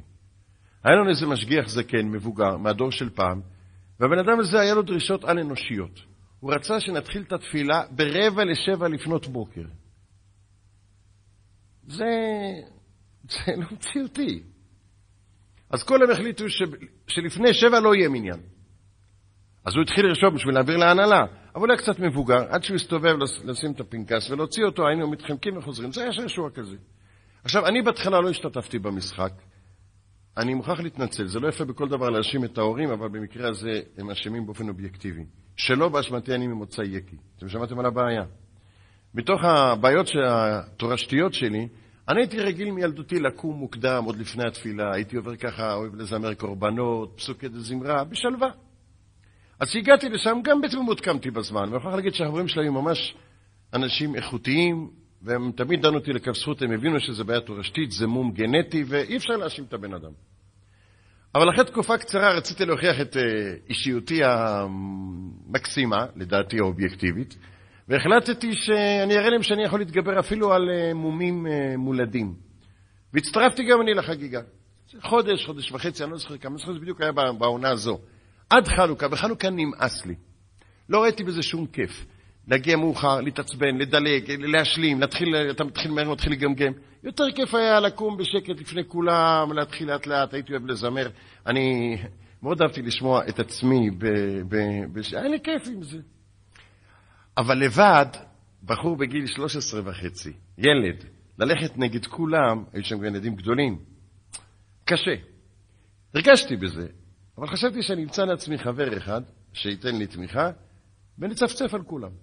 והחבר שבחרתי בו כקורבן היה חברותא שלי, לא, לא הקודם, זה חברותא עכשיו, ש, שגם הוא היה ממוצא בעייתי כמוני, וגם הוא בהתחלה קם בזמן ואחר כך נכנע לזרם. אז חשבתי שיהיה קל לי לשכנע אותו להתחיל לקום בזמן. חוץ מזה התעוררה עוד בעיה. הודיעו לנו, בר מינן, בעיניי, תמיד כשהמחנכים רוצים לחבב את אהבת התורה, הם עושים בכתב, אומרים, תשמעו, זה מעורר שמחה וזה ידוע. אז הודיעו לנו שבפסח יהיה מבחן, משנה ברור חלק ג', כל הלכות שבת, 120 שאלות בכתב. היה נשמע איזה אסון מתקרב. איך שיצאנו, החברותא שלי אומר, אני לא עושה המבחן. מה זה כאן? מה זה, בית יעקב, מבחנים בכתב? שזה באתי לישיבה? אני לא עושה את המבחן. ואני ידעתי שבלי חברותא אני לא יכול ללמוד. אז החלטתי שצריך לשכנע אותו גם על זה. הייתי ילד תמים, באמת תמים. ישבתי, תכננתי איך אני אשכנע אותו, ולכאן ולשם. הכנתי מערך שלם, הוא יענה ככה, אני אענה ככה, וזהו. הגיע שלב השכנוע. תפסתי אותו יום אחד בהפסקת צהריים, ישבנו למדרגות, והתחלתי עם הסיפור הזה שאני מספר לכם עכשיו, אני משחזר הרצאה ראשונה בחיי. סיפור של בשלום זנו אורבך, ואחרי זה אמרתי לו, יש לי קושייה על הסיפור. מה הקושייה? אמרתי לו, הרב סיים את התשובה שלו אליי במילים, אנו נועלים והם נועלים. זה על משקל מה שכתוב בתפילת רבי נחוניה, אנו משכימים והם משכימים, נכון? אמרתי, הדוגמה שהרב הביא היא טובה, אבל המקור שמשם הוא לקח את זה, שם זה לא נכון. איך אפשר להגיד, אנו משכימים והם משכימים? לפי הפירוש של הרב יצא שזה אותו דבר, אנחנו עושים אותו דבר? זה לא נכון. אנחנו צריכים לקום קודם בשביל התפילה. אנחנו משכימים והם לא. אנחנו צריכים לקום שעה קודם בשביל התפילה. אז מה זה אנו משכימים והם משכימים? זה הקושייה. היו לו כמה תשובות, אבל התכוננתי להם, דחיתי אותם. אמרתי, אחרי שהוא גמר עם התשובות שלו, עכשיו יש לי שאלה הפוכה. זו שאלה קשה. אמרתי לו, האמת היא ששאלה, ואני אומר לכם בינינו, אז לא הבנתי את זה כילד, זו שאלה שצריכה לזעזע אותנו. האמת היא שכל העולם משקיעים חוץ מאיתנו. לא אתם, אני מדבר, אני מבין? בינוניים, לא ה... זו שאלה שצריכה לזעזע אותנו. משהו כאן מעוות ביסוד. כולנו נסכים, כמה שנהיה ביקורתיים, אין עלי אדמות, אין עלי תבל חברה כמונו, זאת אומרת חברה איכותית, אני לא אגיד במושגים של תורה, שיש לה אידיאולוגיה, שיש לה ערכים, שבתור חברה יש מסות כאלה של אנשים שלא יכולים לקום בבוקר. זה לא משהו מוזר? זה לא משהו חולני? איך אפשר להסביר את זה? זו השאלה ש... אבל אז לא ידעתי את זה בחומרה. רק אמרתי לו, תסתכל. אמרתי לו, תסתכל מסביב. כל העולם. איזה משגיחים, שאלתי אותו, באיזה שיבקתן למדו נהג, נהגי המקשר? בירושלים שירות התחבורה הפנימית היה נקרא באותם שנים המקשר, לא היה אגד. חמש בבוקר. יש לנו, היה לנו איזה נהג אחד קרוב, רחוק. עשרים שנה, בוקר בוקר, חמש בבוקר, קיץ, חורף, שלג ירושלמי, הוא מחזיק מעמד. יום אחד הוא לא מחסיר. באיזה שיבי קטנה הוא למד? מי היה המשגיח שלימד אותו לקום? ומחלקי הלחם והחלבן. כשאני הייתי ילד, חלבנים היו באים עם הפרידה, היו נוסעים לתנובה עם העגלה, הוא היה צריך לקום בשתיים בלילה בשביל להגיע חזרה לבית וגן בחמש בבוקר, להתחיל עם הידיים הקפואות לשפוך חלב לקדים. ואחרי שהתקדם העולם, היה הולך עם בקבוקי חלב בזכוכית, כאלה שתי סלים, עולה את כל הבתים, כל המדינת כל בית היו שמים מספר הבקבוקים, לפי הכמות הבקבוקים הריקים, ומוריד למטה את הבקבוקים הריקים. ויום-יום. ואמרתי לו, ואפילו 8302, אתם לא יודעים מה זה. הכוונה היא הפקידים. כשאנחנו ילדים, לפקידים קראו 8302. כי הטלפון של משרד הפנים היה קידומת של ירושלים, אבל הטלפון של כל מקום היה ארבע ספרות. הטלפון של משרד הפנים בירושלים היה 8302, והמומחים הסבירו, זה כי הפקידים באים בשמונה, שותים שלוש כוסות תה, עובדים אפס וחוזרים הביתה בשתיים. זה היה הביטוי. אבל אמרתי לו, אבל גם השמונה שלוש אפס שתיים הללו, בשמונה הם במשרד. ואנחנו? אמרתי לו, תראה את אח שלך. היה לו אח גדול מאיתנו, ששנינו צוחקים עליו. אנחנו לומדים, הוא, הבחור הזה ואני, גדלנו באותה שכונה. היינו מתפללים בסיקין, ואחרי זה היה לנו חברותא יום עם אבא שלו, יום עם אבא שלי, וכשהיינו חוזרים אחרי שעתיים לימוד, אז אח שלו היה לפעמים נסרח עם ה... אמרתי לו, איך אתה רואה, במאה, אתה הולך בירושלים, אתה רואה אנשים בעשר וחצי בבוקר הולכים עם טלית ותפילין, הם אפילו לא מחביאים את זה. לא מתביישים, להפך, אתה רואה איך הם מרוצים מעצמם. אם הם אומרים, קורבנות, זו הסיבה ש... וישכם אברהם בבוקר, מסתובב מזה עיקר הניסיון והעקדה, וישכם אברהם בבוקר. אה, אנחנו מבני בניו של אברהם אבינו, גם אנחנו הסכמנו בבוקר, עשרה וחצי. זה לכל הדעות עובדה שאסור להתפלל מנחה. יש כאלה שכבר אוהבים לצרף אותם, זה כבר שיטה אחרת בעבודת השם. זה נורמלי. אני צוחק, אבל צריך לבכות על זה, אני, אני מחפה על זה. זה צריך לזעזע אותנו, משהו כאן לא בסדר. כמובן יש תירוצים, יש לנו יצרה ולהם אין. קודם כל יש עוד אלף דברים שיש לנו יצרה ואנחנו כן עומדים בהם, וב' לפני חמישים שנה לא היה דבר כזה עלי אדמות, לא שמעו דבר כזה. אז היצרה עכשיו התעורר, כל הגדול מחברו, דור כזה גדול ומשוכלל, פתאום נתעורר לו היצרה, לא זה ההסבר. זה תירוצים, זה לא הסברים. אבל בנוסח שדיברתי עם החבר שלי, אמרתי לו, תראה, אם חס ושלום לא היינו גדלים בעולם התורה, אני ואתה, לא היינו גדלים בעולם התורה. כמו שאני מכיר אותך, כמו שאני מכיר את עצמי, אתה לא רוצה להיות סמרטוט, אתה רוצה להיות מצליחן. מה אנחנו יכולים היום בגיל 13 לעשות כדי להבטיח שנהיה מצליחנים? זה ברור שזה לא קשור בירושה. אני באתי מבית עני ומבית קצת פחות עני, אשר אם לא היו אז. ירושה לא עוזרת, כי אנשים לא מוצלחים מאבדים את הירושה. ללמוד מקצוע זה לא עוזר, כי אתה לא יודע איזה מקצוע תרצה לעשות שתהיה מבוגר, ואולי המקצוע הזה יתבטל מהעולם. יש רק דבר אחד שאדם יכול לפתח. אצלנו חינוך במשפחה זה מחלה תורשתית. חשבתי שאמלט, אבל לא הצלחתי. והדודים שלי שהיו מתאספים תמיד הם מדברים על חינוך. היה לי דוד שהיה מפקח על החינוך המקצועי בכל הארץ, מטעם משרד החינוך. יהודי שומר תורה ומצוות, אבל זה היה התפקיד שלו. הוא פעם סיפר במפגש משפחתי שלמעלה מ-74% מבוגרי החינוך המקצועי לא משתמשים במקצוע שהם למדו. ואלה הסיבות. סיבה ראשונה, אף אחד בגיל 13 לא ידע מה הוא ירצה לעשות בגיל, אה, הם יוצאים מהצבא בגיל 21. סיבה שנייה, בגלל שבתי הספר משניאים דווקא את המקצוע שהם לימדו. הכל הוא מוכן לעשות חוץ מהמקצוע שהוא למד. וסיבה שלישית, שבית הספר מפגר 20 שנה אחרי השוק. מתי המורה למד את המקצוע, איזה מכונות יש, ומה קורה היום בשוק. זה היה אז, היום אין מה לדבר. מפגר, מפגר בחמש דורות. אז מה אפשר לעשות? עשו מחקרים בעולם. יש רק דבר אחד בחברה המודרנית שקובע הצלחה של אדם, זה מה שקוראים משמעת עצמית. בן אדם שתופס את עצמו בידיים, כל בני אדם, לא קשור בכישרון, יודעים מה הם צריכים לעשות כדי להצליח. הבעיה היא שחלק מחליטים ומחליטים ומחליטים ומחליטים, וחלק עושים. זה כל ההבדל. זה לא תלוי בכישרון. בראש הפירמידה, אפילו ברחוב, עומדים אנשים עם כישרון מאוד בינוני, אבל עם כושר החלטה ועקביות ומשמעת, ובתחתית עומדים גם גאונים, אבל הם לא שווים כלום. וגם אצלנו. כמה יש כאלה שהחליטו לפתוח דף חדש? יש כאלה שכל שנה זה 365 דפים חדשים. כמה החליטו שהם גומרים את הש"ס? יש כאלה שמכירים בכל הש"ס את הדף הראשון, אולי את המשנה הראשונה. אתה עושה לבן אדם תוכנית, תראה, אתה בשבע שנים גומר ש"ס, מה הבעיה? דף ליום. זה לא על פי דרך האמס.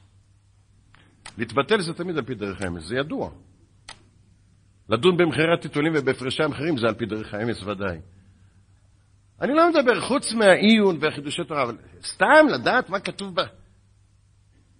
שאלתי פעם קבוצה של חברים שלי, גמרת פעם ש"ס משניות? זה הרי מינימום של בקיס. זה לא קצת בושה? זה לא קצת בושה? אבל בשביל לגמור ש"ס משניות צריך ללמוד שלוש משניות ביום, ארבע ביום, פרק, מה זה משנה כמה? תבדוק. כמה אתה מוכן? כל יום, כל יום? זו השאלה. בכל אופן, בנוסח ששאלתי אותו. אמרתי לו, זה ברור, וגם סיפרתי לו במחקרים, והיום אני יודע את זה יותר לעומק, שאחד הכלים החשובים ביותר כדי לפתח משמעת עצמית זה להתחיל את היום בהחלטיות. במילים אחרות, לקום בזמן. כולם יודעים את זה, אני יכול להסביר לכם את זה בתירוצים במין פסיכולוגיה כמעט מיסטית פיזיקלית, כמעט. המעבר מהשלטון של תת-ההכרה להכרה, כל התיאוריות האלה בשביל נחיתי, צריך להסביר את זה, אני אדבר איתו אחר כך בלועזית והוא יתרשם. שכל ישר. כל אחד יכול לבדוק בעצמו. יום שקמת בזמן, כל היום אתה נמרץ. יום שלא קמת בזמן, אתה שוכחת את זכר צהריים, אבל יש כל הזמן מועקה. אתה עייף. נדמה לך שאתה עייף כי לא, לא ישנת מספיק. אתה עייף כי ישנת טיפה יותר מדי. אז אמרתי לו, זה ברור שאם אנחנו רוצים להצליח בחיים, אנחנו צריכים היום ללמד את עצמנו להכניס לדם, לקום כל בוקר כמו פנתר, עד שייכנס לדם.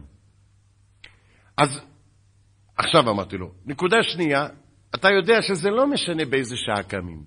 מה זה משנה אם קמים בחמש או בשש או בשבע? אין שום הבדל. זה שתי דקות להחליט שאני קם וזהו. אדרבה, אלה שלא קמים, החיים שלהם באמת קשים. כי מי שקם עובר סבל על אנושי שתי דקות. מי שמסתובב מצד לצד סובל חצי שעה. בסוף כולם עושים אותו דבר. הרי כל אחד יודע את זה. אם לא מדובר על אדם שלא ישן ממש שעתיים בלילה, זה אין שום הבדל בין לקום בשש, שבע ושמונה. אתה רק לא מרגיש את זה. להפך אתה סובל יותר. בשש התעוררת ואתה נאנח בשש וחצי, רבע לשבע, שבע ורבע, בסוף אתה קם באמת מאמצים על אנושיים. אז הקדוש ברוך הוא אומר לך, בן יקר שלי, עכשיו אני מסביר למה תשובה. בין כה וכה, אם אתה רוצה להצליח בעולם הזה, אתה צריך ללמוד לקום כל בוקר כמו פנתר. בוא אני אעשה איתך חסד. בין כה וכה אתה קם, אני אסדר לך מתנה, ברכת שחר, תפילת שחרית. עכשיו, כל מה שעושה כל חילוני, כל יום, בין כה וכה, סתם, אתה מקבל שכר. כל גרם של התגברות על הקור בחורף ועל החום בקיץ, גם הם עושים את זה. להתגבר על העליזות האביבית והדכדוך הסתווי, על זה שנתקע לך הראש בחלון והחלקת במדרגות, כל גרם מאמץ וקושי, גרם מאמץ, אתה מקבל שכר נטו. והמסכן הזה, סתם. אומר לך הקדוש ברוך הוא, תראה איזה מתנה נתת לך, אתה עוד מתלונן. ואז חזרתי גם למבחן. אמרתי לו, אם, רוצ, אם אנחנו רוצים להצליח בחיים, אנחנו לא יודעים מה ללמוד, אבל יודעים היום שאפשר ללמוד כל דבר, אדם צריך ללמוד ללמוד. הדבר היחיד שאדם צריך בשביל להצליח בחיים, דיברתי לא העולם הזה, שלא לשמה. אמרתי, אתה רוצה לעבוד, להרים כמו חמור בלוקים לבתים? אז עסקנו, אז לא היה כסף להורים, רצינו כסף כיס, היינו בהפסקות מרימים בלטות קראו לזה, אז לא היה עריכים, קראו לזה בלטות, לא היו מנופים. היינו עובדים בבניינים, מעלים בלטות, כל שבע בלטות קיבלנו גרוש, חמישים בלטות זה הלך הפסקה שבע גרוש, ככה עלה ארטיק. זה היה הרווחים שלנו, אמרתי, זה מה שאתה רוצה לעבוד שתהיה גדול. אתה רוצה לעבוד עם הראש. מה תלמד? אתה לא יודע, אבל צריך ללמוד ללמוד. אתה צריך להיות מסוגל ללמוד חומר מורכב, להבין אותו, לסכם, להיות מסוגל להיבחן. זה מה שאנחנו עושים, נכון? מה אכפת לך שדרך אגב יש מצווה של לימוד תורה ואתה מקבל שכר? סתם טמבל. הרבה כוחות זה מה שצריך לעשות. אומרת, בקשר למבחן בהלכות אני מסכים איתך, הוא הסכים איתי בגלל שהוא התייאש בין כה וכה, ידע שאין ברירה. אבל בקשר לקום בבוקר אני לא מסכים איתך. אני אומר לו, למה? הוא אומר, תראה את אח שלי, זו הדוגמה שאמרנו. הוא היה אומר על אח שלו שאח שלו מחכה לעולם הבא. למה? כי בעולם הבא כל הזמן יושנים. זה הכיף. אבל לא סתם יושנים, הוא חושב שיש מלאך שכל שעה מעיר אותו ואומר, יש לך עוד שעה לישון. אז הוא מסתובב לצד השני. זה המושגים שלו. אבל האח הזה, בגיל 26, נהיה רבה, והוא אומר לי, תראה, כל בוקר הוא בשמונה בכיתה. אני לא יודע איך נראית התפילה שלו, לא ניכנס לשאלות מביכות. אבל, אבל, אבל בשמונה הוא בכיתה. אז הוא אומר לי, אז למה להרוס את ימי הילדות העליזים? בוא נישן בכל בין נפשנו ומאודנו כמו שצריך, וכשיגיע ימי הבגרות המדכאים, נקום. אמרתי לו, אני מדבר על, אני בכוונה מספר סיפורים של גיל 14, כי זה מה שחסר לנו היום, הבגרות של גיל 14, שהייתה לנו אז. אמרתי לו, אם בגיל 25, כמו אח שלך, תלמד לקום בבוקר, אתה תקום, אנשים קמים, אין ברירה, יש פרנסה, מקצוע, אבל זה מאוחר. למה זה מאוחר? אמרתי, אגיד לך למה. הייתה אז הלצה נפוצה. מישהו אמר לי פעם במכתב שזה לא מתאים שרב מכובד אה, יגיד הלצות בהרצאות. אז אני מודיע לכם שכשיגיע רב מכובד, תודיעו לו שזה לא מתאים שיגיד, אה, אני גם חושב ככה. בכל אופן, ככה היה הסיפור. הוא סיפר על הצעה, היה מפורסם אצלנו. המשגיח ניגש לאיזה בחור, אני מספר לכם קצת באווירה, שתתפסו את האווירה, תזהו אותה. המשגיח ניגש לאיזה בחור, הוא אומר לו, למה אתה לא קם לתפילה? אז הבחור אומר לו, המשגיח, לא נעים לי, אבל uh, יש לי בעיה אישית. היום בעיה אישית זה כזה, פעם קראו לזה יצרה, היום הרב אני במשבר. זה, המשגיח, אם הוא מבין בפסיכולוגיה, הוא טוב, בעיה אישית, אני... תלך לייעוץ. אבל המשגיח הזה הפרימיטיבי, הוא לא מבין. הוא שואל, מה הבעיה האישית? הוא אומר לו, הרב, זה בעיה אישית, אולי הוא יבין. הוא אומר לו, מה הבעיה האישית? זה ממש קיר. אז הוא אומר לו, הרב, הוא התחיל להסביר לו, הרב, זה אישי, זה, זה, אני לא יכול להגיד את זה, זה... אז הוא אומר לו, הוא מנסה להבין, למה הוא לא יכול להגיד? הוא אומר לו, מה, אתה מפחד שאני אספר את זה? חס ושלום, אתה יודע כמה סודות שמעו כותלי החדר, זה מי שמפרסם את כל הסודות, ככה הוא אומר. אבל לא משנה, ככה. הוא אומר לו, לא, אני מתבייש גם מהרב שהרב ידע עליי. ממני, אדרבה, אני אעריך אותך, שאתה מוכן לחשוף את הקושי ורוצה להתמודד. טוב, אחרי לחצים כאלה הוא נשבר, הוא מחליט לגלות את הסוד. נכנסים לחדר של המשגיח, הוא כמובן בודק שהחדר סגור, שאף אחד לא משגיח מאחורי החלון, ניגש לרב ולוחש לו בסוד את הבעיה האישית שלו. יש לי בעיה אישית. שמעתי, מה היא? קשה לי להגיד הרב. בלחש הוא אומר, יש לי יצר אורי. אומר לו, מה? יצר אורי. לו, זה בעיה אישית, זה יש לכולם. אומר, לא כמו שלי. אומר לו המשגיח, כולם חושבים ככה. הוא אומר, הם חושבים, אני יודע. נו, מה יכול לעשות עכשיו משגיח לעשות? בא אליו בחור שבור, הוא בעצם רוצה להיות בסדר, יש לו בעיה אישית, יש לו יצר אורי. אז אחרי שהוא חשב עם ההבנה החינוכית והידע הנפשי והרקע, הוא מצא רעיון. הוא אומר לו, יש לך יצר אורי? תילחם איתו. הבחור נשאר עצור נשימה, פעור עיניים. איזה רעיון מבריק, איזה פתרון מקורי, איזה... לוקח לו כמה דקות עד שהוא נרגע, ואז הוא אומר, הרב, כמה אני אסיר תודה לרב שהכריח אותי לפרוק את המועקה. אני חשבתי שאין לי תקווה, שאני מהלך במנהרה חשוכה ואין לי עתיד. ופתאום, כמו ברק שמאיר את חשקת האפלה, איזה פתרון. אני כבר מרגיש שלפתור הבעיות. הרב, יישר כוח. למחרת בבוקר ניגש המשגיח אל הבחור ואומר לו, נו, הבחור אומר לו עם חיוך, הרב, הבוקר שבא אליי יצרור, אמרתי לו, איתי אתה מתחיל? אני לא אותו בן אדם, אני היה לי שיחה אישית עם המשגיח. לפני שהוא התחיל לשאול מי מו מה להבין, אני התנפלתי עליו, כי תצא למלחמה על אויביך, אני התנפלתי עליו. הרבצתי, קייתי בו, מלמעלה, מלמטה, מלפנים, מאחור, חיסלתי אותו. חיסלת? חיסלתי. זאת אומרת, ניצחת אותו? טוטל. אז למה לא קמת על התפילה? הרב, אני הייתי כל כך עייף מהמלחמה, הייתי מוכרח קצת לישון? אמרתי לו, זה מה שקורה לבן אדם שבגיל 25 לומד לקום בבוקר. הוא קם, כמו שאמרתי, וישכם אברום בבויקר, זה מסירוס נפש, הוא קם. אבל כל כך קשה לו, כל כך הרבה משאבים הוא משקיע, שבמשך כל היום, במקום לרוץ, להילחם, להסתער על החיים, הוא זוחל על ארבע. וכאן אני עונה תשובה, אני צוחק, אבל אני בוכה בפנים, תאמינו לי, אני רק מחפה. אני עונה תשובה לשאלה שנייה, מצערת, מטרידה, מעיקה לא פחות לכל מי שאכפת לו משהו מכבוד שמיים. יחסית לרמת הערכים, שאני מדבר בכוונה לא במושג תורני, אבל תנסו לתפוס את זה כשאני משווה את עצמנו לעולם, יחסית לרמת הערכים, לדרישות, אנחנו היינו צריכים לגדל הרבה יותר מצליחנים. לא משנה באיזה תחום. אפילו שיהיה שלא יהיה לשמו. אפילו לא יהיה. כמה גדודים אנחנו, אנחנו בידיים שלנו, אני מקווה שידינו לא שפכו את הדם הזה. נגררים. למה? איפה האתגרים? איפה האמביציה? איפה הרצון לכבוש? לא משנה לכבוש את הש"ס, אתה רוצה ספרי קבלה, לא, לא בשביל חלק מאות. אני מתכוון, לא משנה מה, אבל איזשהו משהו. הרב קלופטאי קורא לזה מטוטלות.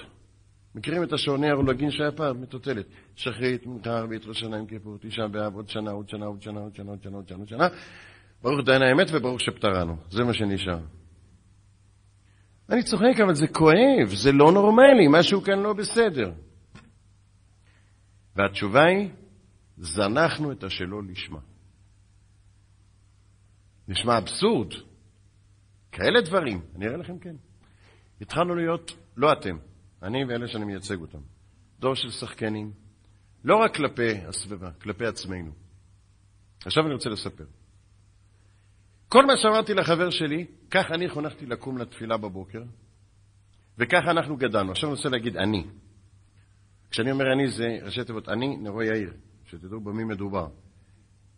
אני לא מדבר עליי. אני דור עשירי למחנכים בציבור החרדי. אמנם יקים, עם כל החסרונות שיש, אבל לפחות בציבור החרדי. זאת אומרת, ההבדל הוא בין בתים אחרים שחינכו אולי יותר טוב, לבתים שלנו זה שכיוון שחינוך היה נושא, אז גם העבירו והסבירו ועסקו בזה לא רק באופן טבעי ואינטואיטיבי, אלא גם בצורה מושכלת. והחינוך הזה היה מקובל בהרבה מאוד בתים. כשאבא שלי רצה שאני אקום בבוקר לתפילה, הוא לא אמר לי, קורמה בקדש אבוירי, בצרחה כזו שגם השכנים התעוררו והתפעלו ו... ויכתבו את חוברת הזיכרון לעילוי נשמתו על הגדלות שלו.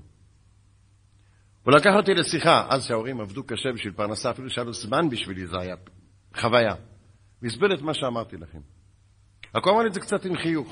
הוא אמר, יש לנו מסורת מהסבתא, במשפחה שלנו לא מגדלים סמרטוטים, רק מצליחנים.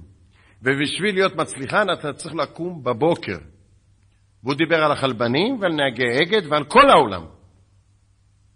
ואז הוא אמר לי, מכיוון שכך, מחר, ממחר בבוקר אתה קם, ואצלנו לקום זה היה ותיקין, זה לא היה 11 לפנות בוקר. ותיקין. ואפילו התחכמתי, הרגשתי ככה, הוא חייך איתי, אז הרגשתי עצמי, אמרתי, ואם אני לא אקום? הוא אומר, אין לו. ככה המסורת, אמרתי לו, מה זה אין לו? הוא אומר, אני הופך אותך עם המיטה את כל הבניין, עם די הרב. אין, אתה קם. קמתי. הוא התחיל מה שלא לשמה, תכף אני אסביר למה זה. הוא התחיל מה שלא לשמה. ואחרי שבוע שקמתי, יום אחד הוא שואל אותי בדרך לתפילה, אתה נהנה? הסתכלתי עליו, השם ירחם. זה היה בחורף, קור ירושלמי, לא היה, לא היה כסף לקנות מילים, היינו מקבלים אז, זה סוף תקופת הצנע. בירושלים זה נמשך קצת יותר שנים ברחבי הארץ. היינו מקבלים מילים מחוץ לארץ, מכניסים בבטנה עיתונים, שלא יהיה קר. ליהנות? הוא לא אמר לי, אתה צריך ליהנות, אמרו בהרצאה. לא עבד בשיטה הזו של זבנג וגמרנו. הוא גירה אותי, הוא אומר, חבל, אני נהנה. ממש הרגשתי לא פייר. הוא גורם לי לקום, הוא סוחב אותי בבוקר ועוד הוא נהנה. מה זה? שאלתי אותו, ממה אתה נהנה? הוא אומר, הרגשה של עוצמה. אני מרגיש שיש לי כוח. אני מרגיש שאני כובש את העולם, אני זוכר את המילים שלו. הוא אומר לי, אני הולך על השביל, הלכנו אז בשביל בין הישיבה לבית שלנו, אני מרגיש שאני כובש אותו. ניסיתי להרגיש, זה לא פייר, הוא ייהנה ואני לא. ואחרי ארבע-חמש פעמים פתאום הרגשתי. הרגשתי את עצמי פתאום גבוה, אז לא הייתי. הרגשתי את עצמי גבוה, חזק. וכמה פעמים אמר לי, אתה מרגיש מה זה? להיות גבר. תגבר כארי, גבר. התחלתי ליהנות. ורק אחרי שהוא וידא שאני נהניתי, אז בשבת הוא אמר, תראה, חסד השם, אי אפשר להבין אותו. זה נראה כאילו, כאילו, אי אפשר להבין את זה. הוא, הוא לא רצה להגיד לא צודק, אבל הוא אמר כאילו. אנחנו קמים בבוקר שנינו, דיבר אליי כמו חבר, זה גם נותן הרגשה טובה. אנחנו קמים בבוקר, כי מבינים שזה טוב לנו בשביל העולם הזה. זה, אנחנו אפילו נהנים מזה, ועוד בסוף הקדוש ברוך הוא נותן לזה משכורת. כל פסיעה, יש שכר פסיעות. כל פסיעה. פתאום תפסתי שהקדוש ברוך הוא רב חסד. מסדר לי. זה שלא לשמה. עכשיו איך מתחיל השיטה המודרנית של זבנג וגמרנו? ישר מגדלים את גדול הדור. אומרים לקדוש ברוך הוא, תשמע, אני לא כל כך, אבל אני אסדר לך בן, אתה תהיה מבסוט. ככה חושבים. הילד עוד לא יודע איך קוראים לו, קוראים לו אבוידע סבוירי, זה מה שהוא יודע. זה נשמע מאוד טוב, בעיקר אם אומרים את זה. פעם יצאתי מהרצאה, אנשים חושבים שאני, בגלל שאני זה הטייפ רקורדר שאומר את כל הדברים, אז, אז עומדת שם איזה אימא, אני בעוונותיי, זה עיקר ההרצאות שלי. היא אומרת לבן שלה בשלוש, תיכנס לעגלה, ופתאום היא שמעה שאני עובר, היא אומרת, תיכנס לעגולה. אתם מבינים? עכשיו יש סיכוי של קרבת אלוקים אמיתית. לא ככה דיברו אצלנו. בלי הצגות, בלי משחקים. הייתה אמת, אמת פשוטה. עכשיו, מה קורה שאתה אומר לילד בן שש או עשר, אני לא יודע באיזה גיל צריך להתחיל, אין בזה כללים. אתה אומר לו לקום לעבודת הבורא. שתי עוולות אנחנו עושים, קטנה ונוראית. הקטנה היא, כפי שהסברנו, כל ילד שאתה נותן לו הוראה חדשה מרגיש תסכול, מרגיש התנגדות. מתי התסכול הזה עובר? כשהילד מתרגל, שאלה עובדות החיים. אני רוצה להסביר בקצרה. תסכול בלב האדם נוצר כשיש סתירה בין הציפיות לבין המציאות. למשל, הילד הקטן שלך, נניח פעם ראשונה בחיים נוסע בבית עם אוטו, נתקל בקיר, פעם ראשונה הוא שם לב שהקיר מפריע לו, אם הילד עם אופי, הוא יצרח. רוצה שהקיר יזוז, זה מעצבן אותו. פעם שנייה הוא יצרח, פעם שלישית הוא יצרח, פעם רביעית הוא יפסיק. מי שצורך עשר פעמים צריך כבר טיפול. זה באמת, זה ליקוי נורא בהתפתחות.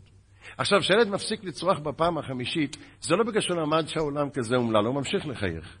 וזה שילדים מחייכים זה מראה כוחות נפש. יש להם הורים כמונו והם מחייכים, צריך, צריך להבין את זה.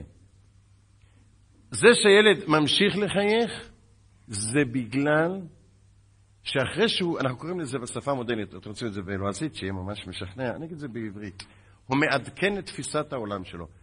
ברגע שהוא תופס שהקיר לא יזיז, והוא מתרגל להבין שנוסעים לכיוון הפתח, הוא כבר לא מצפה שהקיר יזוז, זה הפסיק לתסכל אותו. זה מובן מה שאני אומר? כשאתה, אתה מצפה, ש... נסעתי פעם עם איזה בחור, שנתתי לו נאום, כי זה היה חלק מהטיפול אצלו בגלל בעיות של ביטחון עצמי, לא חשוב. הוא נהג, נסענו אחרי משאית בעליות לירושלים, שנסענו דרך, אה, דרך צובה, שזה כביש, אי אפשר לעקוף שם, כביש מפותל, ונוסעים, נוסעים, נוסעים, הוא בחור די, עם טמפרמנט סוער, ואני רואה שהוא יושב רגוע, מאוד הייתי מבסוט ממנו. רגוע, שלו. בסוף הגענו לאיזה מקום שאפשר היה לעקוף את המשאית, הוא עקף אותה, נסענו, התקרבנו לירושלים, ושם קטע קצר הייתה שם איזה נהגת שסחבה את האוטו לאט, ואנחנו, צאו תצביל, והגנב, שתרד מהכביש, מה נותנים לה לנהוג? אמרתי לו, רגע, המשאית עקבה אותנו 20 דקות ואתה שלב. זאתי מעכבת אותך, אתה רואה, הנה כבר הצומת. ואתה פקע את עצבים, מה קרה? פשוט נגמר הכוח? זה לא נראה ככה, שם בכלל לא התעצבנת. הוא אומר, לא, משאית, מה יכול לעשות? היא לא יכולה לנסוע מהר, אבל זאת יכולה. אמרתי, היא לא יכולה, אתה רואה שהיא לא מעיזה. אתם מבינים מה אני רוצה להגיד? כשהוא מצפה שייסעו יותר מהר, והציפייה לא מתקמשת, אז בן אדם מתעצבן. אם אתה לא מצפה, אין תסכול. זאת אומרת, כל ילד, גוי, כל חוק של החיים, בשלב שהוא לומד אותו, יש שלב קצר של תסכול, ואחרי שהוא קולט שזו המציאות, התסכול נעלם. אצל כל ילד יש הבדל גדול בין חוק פיזי לחוק חברתי. זאת אומרת, זה שהקיר לא זז, קל לקלוט את זה, כי זה מוחשי, אז אנחנו יודעים ששלב התסכול קצר, ההשלמה או ההכרה מלאה.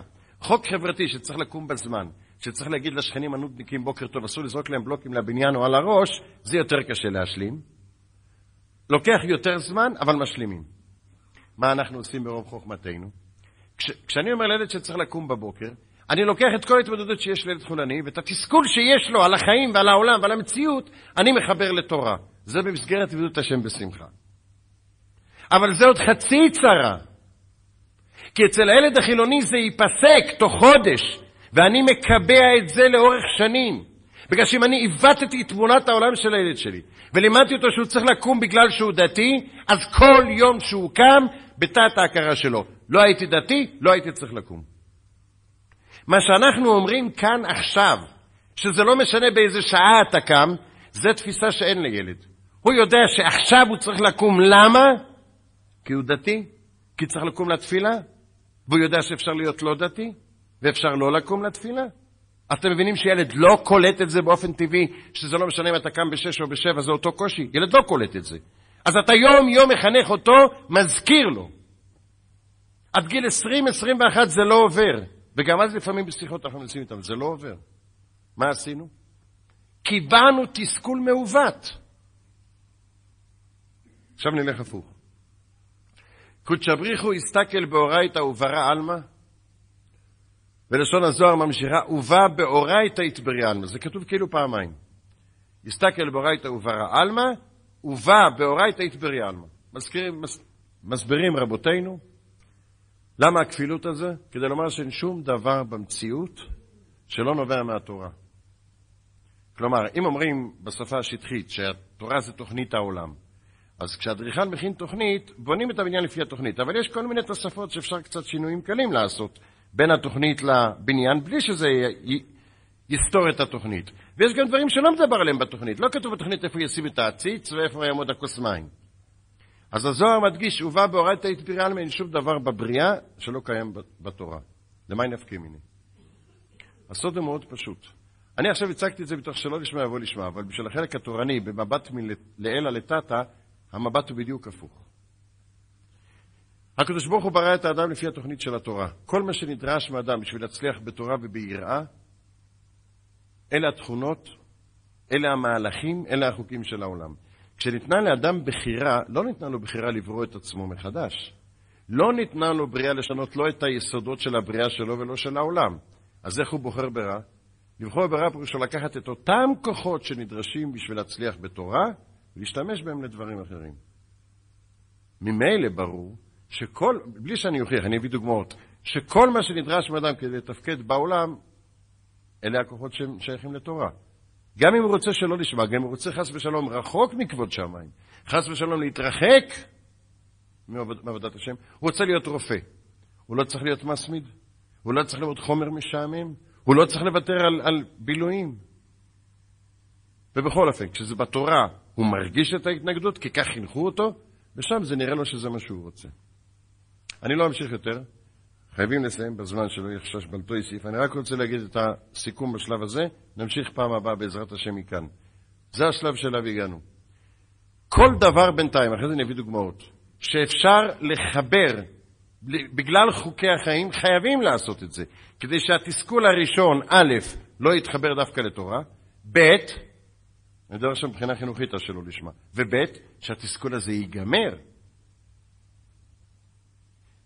שהקדוש ברוך הוא נתן לנו תורת חיים, זה מה שאני עוד אראה בפעם הבאה בהמשך, זה חסד השם, שכל מה שאנחנו עושים, בין כה וכה מקבלים על זה שכר.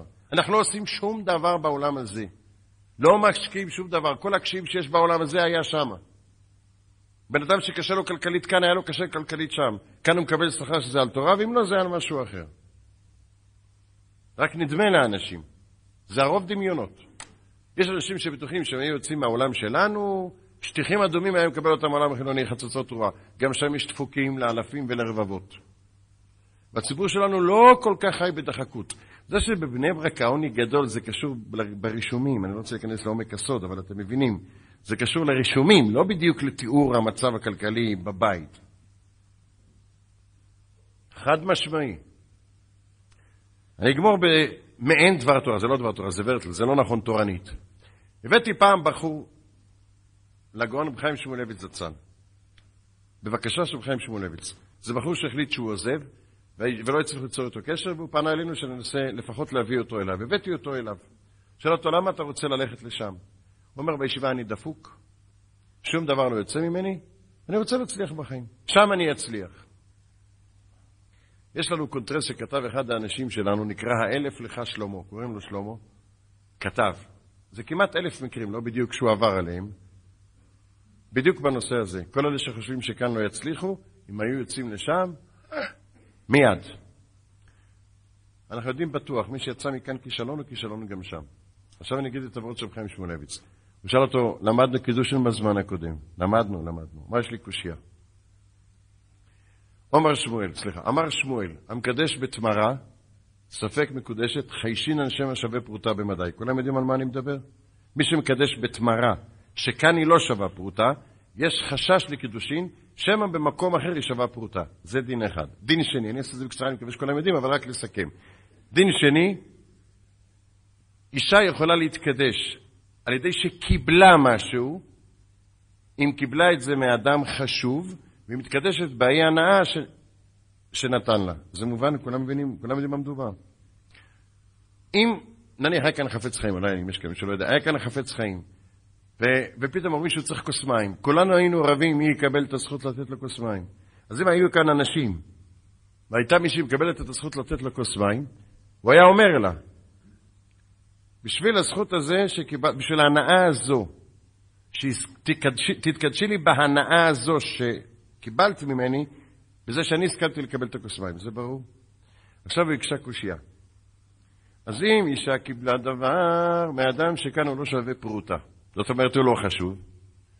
למה לא ספק מקודשת, חיישן השם האיש הזה שווה פרוטה במדי? זאת אומרת, למה לא חוששים שם האיש הזה שווה פרוטה שמה? חשוב שמה. מובנת השאלה? זו לא שאלה באמת ולמדנות, אין כאן היה נועה. בתמרה יש את המציאות הממונית כאן, רק השאלה היא כמה היא שווה, ביאנו אין כאן נועה, אבל ככה הוא שאל. בשביל אבות, לא בשביל הפשט. מה התשובה שלו? הוא אומר, מוכח מכאן שלא חיישינן. אם אתה גורנישט כאן, אתה גורנישט שם, אין שום חשש. זו האמת הפשוטה. אנשים בורחים מהתמודדות, בורחים מקשיים, תולים את הבעיה בסביבה. זה לא מעניין אותי, זה משעמם אותי, אני לא אוהב את זה, הכל הבל הבלים. אותם כוחות שצריך להצליח כאן, צריך להצליח שם. מי שעוזב כאן כישלון, ממשיך שם כישלון מפותח, עמוק ובסיסי יותר. שום דבר אחר. יש בודדים שעזבו כאן כמצליחים בגלל שהתעוות להם השכל, הם יכולים להצליח שם. לא כולם. לזה לנושא שלנו. החלק של שלא לשמה הוא לחפש, לפחות כמה שאפשר, בשביל זה התחלתי עם הסיפור של הנעליים. אפילו אם לא נצליח בכל המקרים. אני מבטיח לכם מניסיון, אני מציע כאן רק דברים שנבדקו בניסיון. זה כואב, אני אדבר בפעם הבאה איך מהרחוב אנחנו מוציאים הדברים עם הדברים האלה. למה היו צריכים להגיע לרחוב בשביל זה? אם תמצאו 20-30 אחוז ממה שאתם מנחילים בבית, להראות לילד חסד השם יתברך. איך הוא מחפש לך מתחת האדמה מצוות? הוא יוכל לברך שלא עשה ניגוי בשמחה, כי הרבה כוח היה עושה את זה. מה אכפת לו לקבל מצווה? היה יכול לברך ברכת, ברכת התורה בשמחה, להודות להשם. היה יכול, אמר לי פעם בחור מהרחוב, כשאני הייתי בישיבה הכי טובה, הבנתי שהקדוש ברוך הוא נתן לנו חיי עולם, סליחה על הביטוי, הוא חנק אותי. על כל צעד ושעל הוא מתערב. עכשיו למדתי שהוא נתן לי מתנה, שכל מה שאני עושה בין כה וכה, הוא נותן לי שכר. זה הסוד. מתוך שלא לשמוע יבוא לשמוע. תודה ולילה טוב.